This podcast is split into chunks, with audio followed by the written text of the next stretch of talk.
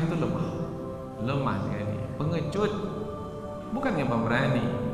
Apa sebab? Sebab orang kafir itu karena tidak mengenal Allah, maka meminta tolong kepada selain Allah. Selain Allah itu lemah. Meminta tolong kepada yang lemah, maka lemah. Kita ini memang lemah manusia.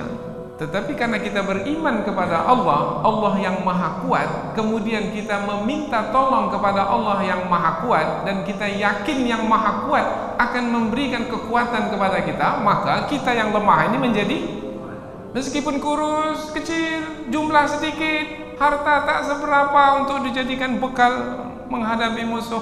Kalau ada perawatan perang, perawatan perang sederhana saja. Tombak kalau pada masa dahulu. Eh tapi kekuatan mereka kalau sudah bertakbir Allahu Akbar. Eh tak ada siapa yang bisa menghalang. Belanda pun pulang kembali ke rumah mereka Ke negeri mereka. Dan itu kita sudah buktikan di negeri ini. Negeri ini merdeka dengan laungan takbir Bukan dengan pengecut. Tidak. Dengan keimanan di dalam dada.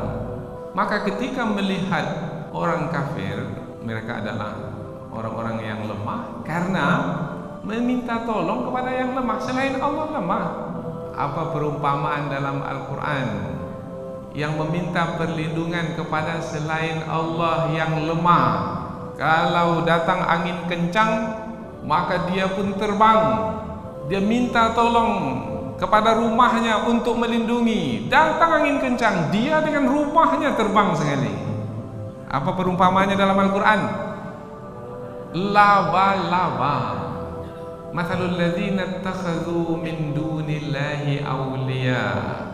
Perumpamaan orang yang mengambil selain Allah sebagai pelindung Kama salil angkabut Perumpamaannya seperti laba-laba Ittakhadat baita. Yang meminta perlindungan ke rumahnya sendiri Inna awhanal buyuti la baitul ankabut. Sesungguhnya rumah yang paling lemah adalah rumah laba-laba itu. Laukanu ya'lamun kalau mereka mengetahui. Tapi banyak juga manusia tak mengetahui. Laukanu ya'lamun kalau mereka mengetahui. Bermakna ada yang mengetahui, ada yang tak mengetahui Maka ketika kita melihat ada orang yang meminta perlindungan kepada selain Allah Maka kita memahami orang ini lemah. Seperti apa lemahnya orang ini? Ah, laba-laba. Tapi kita sudah terpedaya sekarang. Karena dari kecil lagi sudah ditontonkan film laba-laba. Bisa terbang dan kuat. Tidak, laba-laba itu lemah maka apabila melihat ada orang yang meminta perlindungan kepada selain Allah maka yang terbayang adalah laba-laba